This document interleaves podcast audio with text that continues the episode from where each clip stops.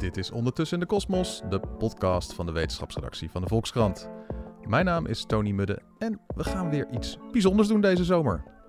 In de krant plaatsten we een oproep aan lezers.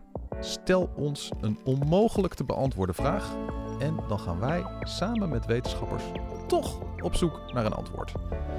Nou, dat hebben we geweten, want liefst 500 lezers stuurden een vraag in. En daarvan kozen wij er met de wetenschapsredactie zeven uit die we het leukst, origineelst, spannendst, etc. vonden. En die gaan we de komende weken proberen te beantwoorden. En in elke aflevering één vraag. Uh, laten we gewoon beginnen met de eerste. Dat was uh, lezer Jan Jongenelen. En uh, die had een hele leuke vraag. En die sprak hij ook even in op mijn voicemail. Jan, the floor is yours. Beste Volkskrant-redactie. Ik heb een vraag die me al heel lang bezighoudt. Hoe werkt instinct nou eigenlijk? Of misschien moet ik vragen, hoe kunnen herinneringen overerven? Hoe kan het dat een pasgeboren wezentje dingen weet en doet die niets of niemand hem geleerd heeft? Uh, leuke vraag. Ingewikkelde vraag ook. Ik zou hem zelf niet kunnen beantwoorden, maar gelukkig is hier afgestudeerd bioloog en wetenschapsjournalist die veel voor ons schrijft, Ronald Veldhuizen. En die is voor ons op zoek gegaan naar antwoorden. Welkom Ronald. Ja, dankjewel. En uh, ja, misschien moeten we eens even met een definitie beginnen. Instinct. Wat is dat eigenlijk? Ja, ja, dat is echt best wel een goede vraag, want uh, daar is gewoon heel veel discussie over. Ja. En um, wat je wel kan zien is dat als je het gewoon uh, op een afstandje bekijkt, een beetje eenvoudig, dan kom je inderdaad uit op wat de lezer Jan Jongenheden net zei. En dat is inderdaad van, joh, je hebt hier een dier en dat, heeft, dat doet allerlei knappe dingen. Mm -hmm. Maar het heeft het niet kunnen afkijken van een moeder of een andere soortgenoot. Ja. En uh, dus dat, dat, is, dat is verrassend, hè? Want uh, hoe zit dat er dan in? Dat is dan blijkbaar ergens is dat gedrag ingebakken. Dus als ik uh, denk van, oeh, dat is een moeilijk onderwerp voor een artikel of voor een podcast. Mijn instinct is, ik bel Ronald Veldhuizen, want die kan dat wel oplossen. dan, dan is het de vraag of dat instinct is. Ja, dat heb je vast aangeleerd. dat heb ik aangeleerd, ja. ja, ja.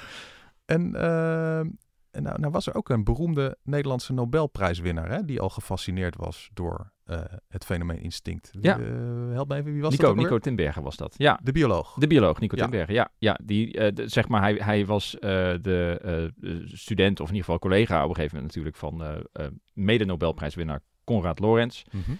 En zij hebben samen allerlei waanzinnige experimenten gedaan met vooral vogels, om te kijken van wat kunnen ze nou eigenlijk al gewoon meteen vanaf het moment dat ze uit het ei kruipen.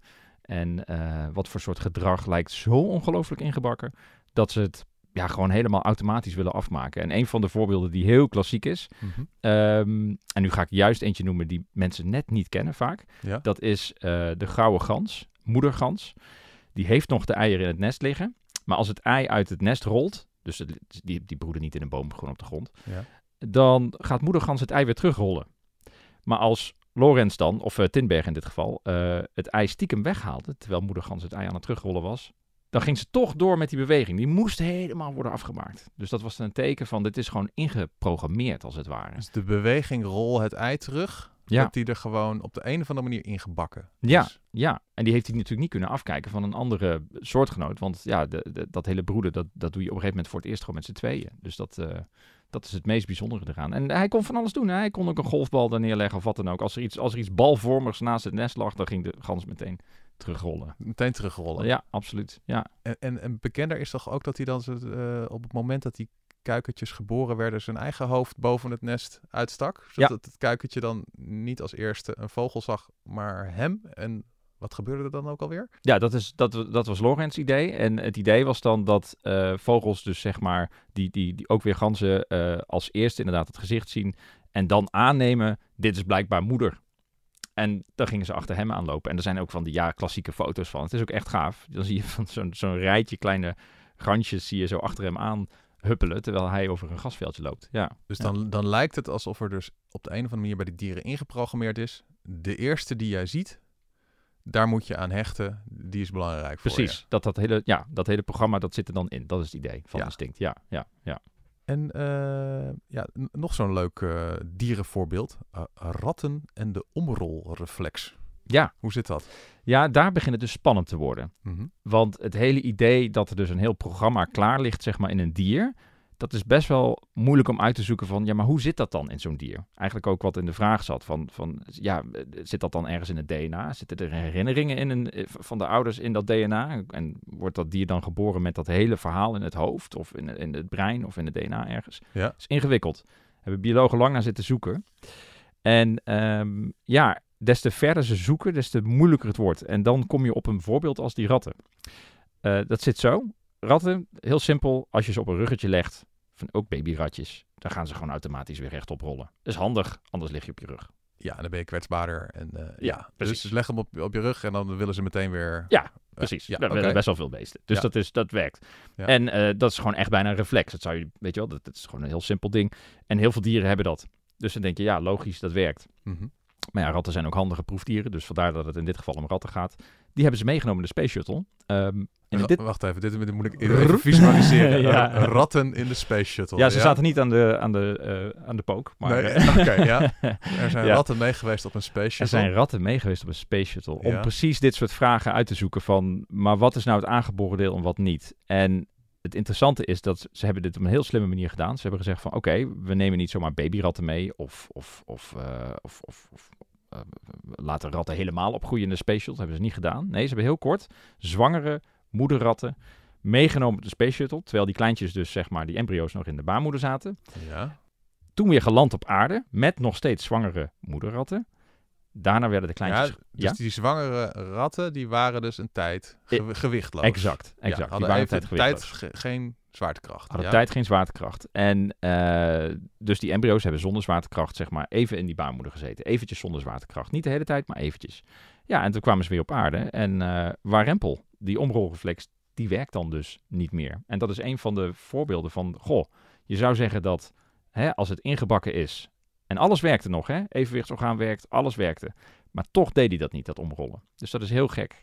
Ja, oké. Dus wat ik dacht dus dat het met instinct dan net zoiets is van dat dus in het DNA, ja, er staat ook ingebakken van, eh, eh, nou ja, eh, leg hier een linkeroog aan, daar een rechteroog, daar de vingers. En dan zal dan ook wel iets in je DNA staan met van, in deze situatie vertoon dit gedrag. Precies. En dan ja. denk je dus bij die ratten van, nou, dat zit dus gewoon in dat DNA vastgelegd. Maar wat blijkt, het, het ontst- dat gedrag ontstaat dus eigenlijk gewoon onder invloed van de zwaartekracht Exact.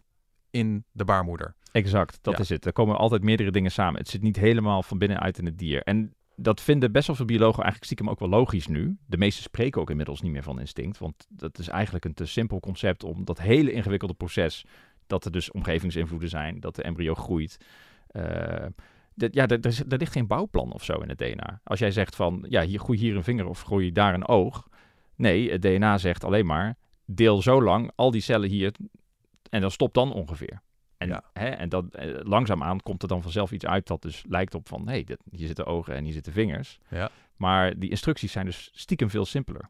En dat is eigenlijk het spel de hele tijd. Dat je dus zit tussen van... ja, ehm, wat kunnen cellen nou eigenlijk doen? Hè? Wat, wat, wat kan het DNA nou eigenlijk echt meegeven? En wat doet de omgeving zeg maar als invloed daarbovenop? En dan- ja, en, Ja. dat... En En dat wat, wat noem, je, noem je dan nog instinct? Ja, dat is dus de vraag. En biologen zeggen... Ik heb dus ook meerdere wetenschappers in Nederland eh, gevraagd, biologen, ontwikkelingsbiologen ook, van joh, kun je me bijpraten over instinct? En de meesten zeiden, nou, nee. Want, want dat vinden we een, een vaag woord geworden. Ja, precies. Ja, en er zijn ook heel veel discussieartikelen daarover. En, en ja, dat, eh, dat, dat ze het eigenlijk liever niet gebruiken. En dat als wetenschappers het nog gebruiken, dat is het eigenlijk niet echt oké. Ja. En, en, en nog zo'n diersoort waarbij in ieder geval ik als leek dan denk bij, eh, aan instinct. Dat is van die dieren die op de een of andere manier eh, weten van... Ik moet altijd daar naartoe vliegen als het zomer Ja. wordt of als het winter wordt of als er dit gebeurt. En dan denk ik van ja, hoe, hoe zit dat in die beesten? In Ja. hun hoofd of eh, zit er een soort kompas ergens in hun cellen of zo? Precies. Ja, ja nee, dat is echt de klassieke vraag. En ook denk ik wel een van de beste plekken om iets als ingebakken dingen te onderzoeken. Mhm. Eh, leek mij. En ehm, eh, ik ben ook gaan rondvragen daarnaar. En toen kwam ik op een gegeven moment op Kenneth Loman. En eh, die dacht ook wel even in de jaren, nou moet ik zeggen, eind jaren tachtig, het instinct van schildpadden. Die dus inderdaad rondtrekken, rond de, ja, echt de halve oceaan. Heel precies maken ze een tocht van jarenlang, duizenden kilometers. En, ehm, en, en, en, ja, en als ze uit het ei kruipen, weten ze ook meteen, de zee is die kant op. En dat, ja, dat, dat was het grootste mysterie destijds vooral. hoe weten ze überhaupt welke kans op moeten? Want het zijn, ja, ik weet niet, heb je wel eens van die natuurdocumentaires zien? Je ziet die kleine schildpadjes uit het ei kruipen, ze zijn heel kwetsbaar, ze flappen wat over het zand. Mhm. En, en wonderwel gaan ze allemaal de goede kant op meteen. Gewoon pats, boem. in, in plaats van de verkeerde kant op eh, rechtstreeks naar het, eh, het bos. Het, het, het bos. Of, Of, de, of, de, ja, of ja. de bek van een roofdier. Ja, weet je, ja, dat, inderdaad, eh, ja. ja, nee, dus dat, dat, dat gaat best goed. En, en hij dacht, ja, ze hebben vast een kompas, want ze moeten allemaal naar het oosten. Hij keek in Florida, zeg maar. Daar moeten ze naar de Atlantische Oceaan. Mhm. En hij begon toen aan een tweejarig project. En ja, hij dacht van, nou, binnen een jaar hebben we het antwoord. Ik weet helemaal niet welke tweede jaar nog gaat doen. Want dan vinden we dat kompas en dan is het opgelost. Ja. Dat kompas bleken ze te hebben. Ehm, maar ja, hij is nu 30 jaar verder en hij heeft het nog steeds niet helemaal ontrafeld hoe het precies werkt. En het blijkt ontzettend ingewikkeld in elkaar te zitten. Maar ook wel, hij heeft wel echt iets gevonden dat ingebakken lijkt. En dat is echt heel bijzonder. En nou wordt het verhaal ingewikkelder. Heel kort, Kunnen we Eh, aan. Doe kunnen maar. we aan. Doen we maar. gewoon, hè? Ja. Ja. ja, Ze gaan niet naar zee met een kompas. Ze gaan naar zee eh, op basis van eh, andere dingen, geur of wat dan ook. En als ze in het water zitten, dan voelen ze de stroming. En dan zoeken ze vanzelf de open oceaan op. Mhm. Maar ze zijn er met tracking dingen en zo natuurlijk achter gekomen van... Jeetje, die schildpadden die doen eenmaal als ze op zee zijn, die babytjes... doen ze iets veel, veel bizarders. En dat is die grote tocht van duizenden kilometers. En eh, dat is raar, want ze maken dus een tocht in een grote lus rond de Atlantische Oceaan. Ja. Eh, mee in zo'n stroming eigenlijk, zo'n oceaanstroom. Maar dan moeten ze niet buiten vallen. Als ze te ver noordelijk gaan, hoeft niet lang te duren. Als ze een paar dagen verkeerd zwemmen, eh, gaan ze dood van de kou. Dus het is ja. echt heel belangrijk om goed te doen. En ja, zie dat maar eens voor elkaar te krijgen. Want het is niet zoals in de film Finding Nemo... dat je die oceaanstroom zeg maar heel vrolijk ziet... waar al die schildpadden in rondtuimelen. Mhm. Het is gewoon... En dat er een clownvisje naar je toe komt die zegt... Jongens, hier naar links. Ja, precies. Nee, ja. daarom. Het is er Ja. allemaal niet. Het is gewoon een diepe blauwe zee... zonder kenmerken. Het is vaak bewolkt. Eh, ze zwemmen ook vaak best wel ver onder het wateroppervlak. Ze zien gewoon helemaal niet waar ze zijn. En ja, toen dacht die Loman van... ja, dan, dan moet dat iets met een kompas te maken hebben. Maar het probleem is, als je in een lusje rondzwemt... dan moet je niet altijd zeggen van... ga altijd naar het oosten... want dan kom je uiteindelijk een keer in Afrika uit. Oh ja. Je kunt ook niet zeggen, ga altijd maar... Hè, stel je zit in het zuiden, dan wil je op een gegeven moment een keer naar het noorden... maar dan moet je niet te lang denken... want dan kom je bij Groenland uit. Dus dat soort problemen hebben ze. Dus ze leggen echt een soort nauwkeurige Google Maps-achtige route af. Hij dacht, ze moeten coördinaten hebben. En die heeft hij dus een soort van gevonden. Co- ze moeten coördinaten hebben. ze moeten coördinaten hebben om Ja. te weten, ik zit ongeveer hier in de lus. En Ja. het gekke is dus, eh, hij zei van, nou, dat, dat zal dan ook wel kompastechnisch werken. En eh, dat kan. Hè. Je kunt het aardmagnetisch veld waarop kompassen werken, noordoost, west, zuid... dat is de simpelste vorm, maar in werkelijkheid gaat, gaan, gaan zeg maar die, die, ehm, ja, die magnetische eh, krachten, Mhm. die gaan in een bepaalde richting, en een bepaalde hoek, en een bepaalde sterkte gaan ze de aarde in. En dat verschilt op elke plek in de Atlantische Oceaan. En hij dacht van, joh, Ah. kijk, eh, als ik op die plek zit, heb je ongeveer die hoek. En als je op die plek zit, heb je ongeveer die hoek. En toen dacht hij, ja, zouden ze dat nou ingebakken hebben? En ja, hij heeft toen weer baby schildpadjes op het strand. Toen ze uit het ei kropen, heeft hij ze opgepakt. Op Mhm. hetzelfde strand in een bad gelegd. Met allemaal grote magneten eromheen. Het is een heel bizar experiment. Ah, om zo variaties in dat magneetveld na te bootsen en kijken hoe die schildpadden erop reageren. Een soort van virtuele tour over de Atlantische Oceaan. En wat gingen ze doen? Ja, ze gingen dus bij elke plek waarvan je denkt, hier moet je in de stroom blijven, gingen ze de goede kant op. Meteen al vanaf het moment dat ze uit het ei gekropen zijn. En ja, dat hebben ze ook niet van iemand kunnen leren. Dus het is super vreemd. Eh, en ja, hij schrijft ook in zijn onderzoekswerk van Loman, Kenneth Loman, van joh, ze moeten een soort van genetische kaart hebben eigenlijk als het ware. Mhm. Maar toen ik hem sprak, was hij daar wel. Eh, hij zei: Dat bedoel ik echt 100% figuurlijk. Ik denk niet dat die schildpadden ook maar enig idee hebben van waar ze zijn. Ik denk niet dat ze een mentale kaart hebben. Ik denk dat ze neigingen hebben om bij bepaalde magnetische veldsterktes en hoeken. eh, het gevoel te hebben: nee, ik wil naar links. Ja, ja, ja. Dat is het. En, en dat dat het instinct is. dat dat het instinct is. En Ja. that's, that's as close as we can get, zou je bijna kunnen zeggen. Ja, En, en eh, nog zo eentje waarbij ik dan meteen denk aan instinct, dat is angst. Angst. Ja, Ja. absoluut. Ja. En ehm, bijvoorbeeld de manier waarop apen reageren op slangen. En eh, jij stuurde mij een leuk fragmentje door. Dus eh, laten we even luisteren hoe het klinkt als een groep apen in hun verblijf, en dit is in de Amerikaanse staat Washington, ineens een slang ontdekken.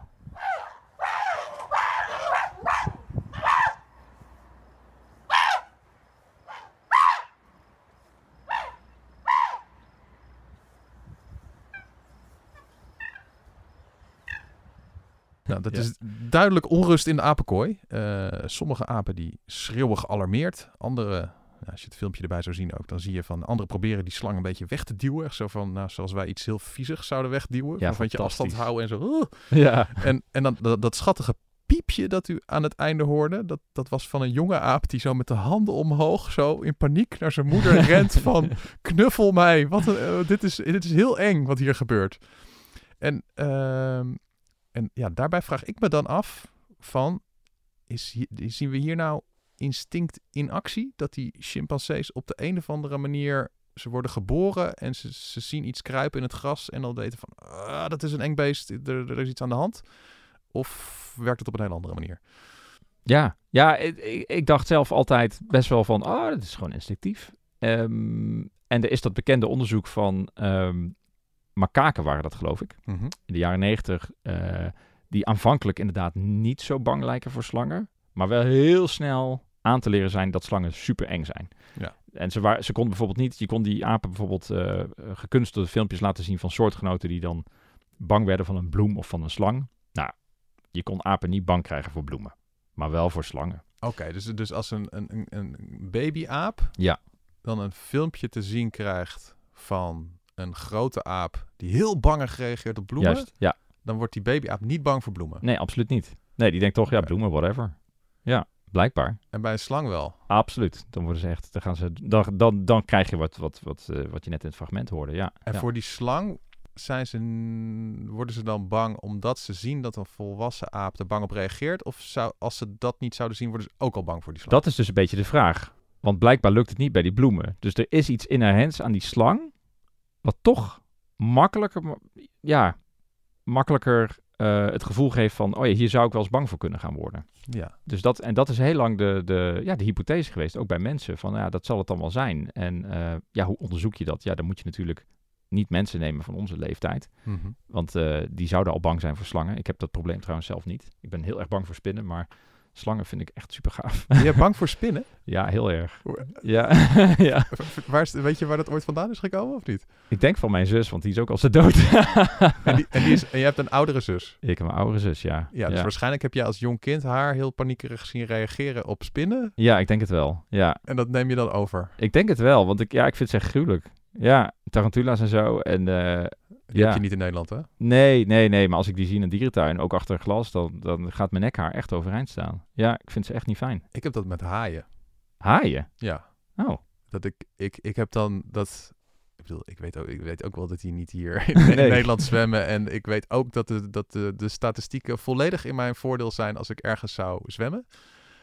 Maar ik heb altijd dat gevoel, en dat komt dan waarschijnlijk, nou ja, niet omdat ik mijn ouders paniekerig op een haai heb zien reageren, Nee. want we gingen nooit verder dan eh, Frankrijk op vakantie. Maar dat ik wel vrij jong Jaws heb gekeken. Oh, Jaws, ja, ja. ja. de, de haaienfilm. En dat sindsdien heb ik gewoon altijd, als ik ergens zwem, dat ik toch het gevoel heb van, er bestaan gewoon beesten met hele grote tanden en Ja. zo'n- en zo'n blik des doods, die mij gewoon in één keer doormidden kunnen happen. En het is waar, hè? Ja, en, en, en, en dat is toch ook een soort... Ja, het is waar, dat het kunnen is wel ze. waar, ja. Nou, Ja, Dat- vreselijk, Wat dat ja. betreft mijn eh, instinct eh, angst voor eh, haaien. Waar, Juist. waar waren we ook alweer? Ja, of het ingepakken was of niet, met die slangen en zo. En ik, ik begon met van, ja, ik ben zelf niet bang voor slangen. Ja. Dat was het enige, ja. Nee, ja, ik, ik, ik stap erop af, ja. Maar wat, Ja. eh, ja, of het ingebakken is, maar dat, dat Ja. moet je toch bij zo'n chimp ook wel kunnen ontdekken, toch? Als die net geboren is en je, en je, en je legt dan een slang Ja, nee, ze zijn niet bang voor slangen. Dan zijn nee. ze niet bang voor slangen. Nee, nee, maar het is wel heel, de angstreactie is wel heel snel aan te leren. Dus, dus vandaar dus nog steeds die hypothese van ja, het zal wel inherent liggen aan, aan die slang dat dat makkelijk aan te leren is. Dat is een beetje het idee. Ehm, en eh, bij kinderen is het dus ook zo dat ja, eh, die zijn niet echt bang voor slangen. En sterker nog, eh, het is prachtig. eh, er is een BBC-filmpje waarbij je eh, een kind ook gewoon zeg maar slangen, een babytje zit op, zit op z'n- in zijn luier op de grond Ja. pakt gewoon allemaal, gewoon lopen, hebben ze veilige, ja, ik denk geen giftige slangen, maar die zit dan tussen drie, vier slangen. Kind kruipt erop af, pakt ze op. Ja, het is fantastisch. Het is echt eh, Dus die is totaal niet bang voor totaal slangen. niet bang voor slangen. Ja. Maar ja, ja, ja, er zijn wel onderzoekers die zeggen van, eh, we meten wel een soort van pupilvergroting als ze een slang zien en niet bij als ze een poesje zien of een, eh, of een hond of een hamster of wat dan ook. En wat betekent pupilvergroting? Ja, daar is discussie over. ja. Dus eh, ja, nee, niet duidelijk. Want als, als, ik, Ja. ik dacht dat het zo was wat als dus een... Inderdaad, bij, bij allerlei babyonderzoek. Zo van, Juist. hey, hoe leren baby's en zo. En als dan een baby grotere pupillen krijg, dan betekent dat in ieder geval van hier gebeurt iets dat ik fascinerend vind. Ja. Interessant. Ja, en dat is inderdaad wat, uh, wat, wat sceptischere onderzoekers nu zeggen. Van ja, oké, we kunnen misschien hooguit zeggen dat baby's slangen heel interessant vinden. En dat ze spinnen ook heel interessant vinden. Maar meer niet. Snap ik ook wel. Ik bedoel, als jij de hele tijd allemaal mensen op twee benen om je heen ziet lopen... en ineens zie je iets krioelen met acht poten, dan ja... Dat, is dat, ook fascinerend. Dat is het. Dat, dat, in ieder geval dat, dat is het idee wat ze nu hebben. Ja, ja. En, uh, en, en zelfs, maar dat zelfs pupilvergrotingsonderzoek, dat, dat is ook al eens herhaald. Ik heb vanochtend nog gekeken. Sommigen vinden het ook niet. Dus ja, het is een beetje vaag hoe ja. baby's nou reageren op, op slangen en zo. Dus ja. En, ja. en als het dan met die, als, als die baby's dus niet bang zijn voor slangen, is dan eigenlijk, zijn dan alle, nou ja, waarbij ik denk van angstreflexen, instinct, is dat dan allemaal aangeleerd omdat ze grote mensen ergens ja, op zien reageren? Dat, dat is volgens sommigen in ieder geval nu wat het idee wel moet zijn. En um, ergens is dat ook wel logisch, denk ik zelf dan. Want ja, weet je wel, als jij uh, wat mensen zeg maar zo succesvol maakt, is dat we heel nieuwsgierig zijn. Dat we van alles willen weten, dat we van alles willen onderzoeken. Uh, dat is misschien zelf op zichzelf ook wel een instinct, zou je bijna kunnen zeggen. Ja, ja, ja het is wel heel interessant. Um, en ja, uh, maar je leert van anderen van nee, maar doe dat dan toch maar niet. Ja, maar, maar misschien is dat dan, ja, we bedoel, uh, biologen zijn een beetje aan het ruzie met elkaar wat je instinct mag noemen, maar Juist. ik als leek zeg dan van, en is dus blijkbaar bij die baby's, is dan wel het instinct, wat gewoon ingebakken in jou zit, dat je de hele tijd om je heen aan het kijken bent hoe andere mensen reageren, van ze afkijken, van ze leren. Precies. Dat zit er al in. Dat zit er al in, ja. ja. Maar een heel boekwerk over ja. welke beesten op het lijstje mogen om te knuffelen en welke niet of een heel boekwerk over hoe, hoe gezichten er al horen uit te zien of niet. Dat is allemaal niet zo duidelijk. Inderdaad. Dat is niet zo duidelijk. Ja, oké. Ja. Nou, ik, ik, ik hoop dat uh, onze lezer uh, Jan Jongenelen uh, een beetje tevreden is met het antwoord. Ja, en, en onze luisteraars ook. Dit was Ondertussen in de Kosmos, de podcast van de wetenschapsredactie van de Volkskrant, waarin we alles en iedereen door een wetenschappelijke bril bekijken. Grote dank aan mijn gast van vandaag, uh, Ronald Veldhuizen, wetenschapsjournalist. En de volgende keer zijn we er weer met een haast onmogelijk te beantwoorden vraag die wij toch gaan beantwoorden. Mijn naam is Tony Mudde. Graag tot de volgende keer.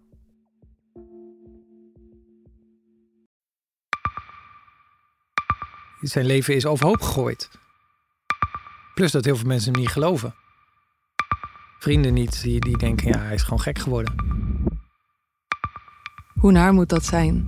Als je vertelt over de meest indringende ervaringen uit jouw leven en niemand gelooft dat je het echt hebt meegemaakt. Ja, ik vind zelf niet dat ik het verzonnen heb, maar sommige mensen denken dat wel. Maar hoe kom je erachter of jij het doelwit bent van een geheime dienst? Ik heb ook wel eens meegemaakt dat je het idee hebt dat inlichtingendiensten in je geïnteresseerd zijn. En dan kun je wel heel veel zien, wat er misschien helemaal niet is. Als ik s'avonds nog iets ging eten, dan volgden die mensen mij naar het restaurant. En dan terug van het restaurant naar het hotel.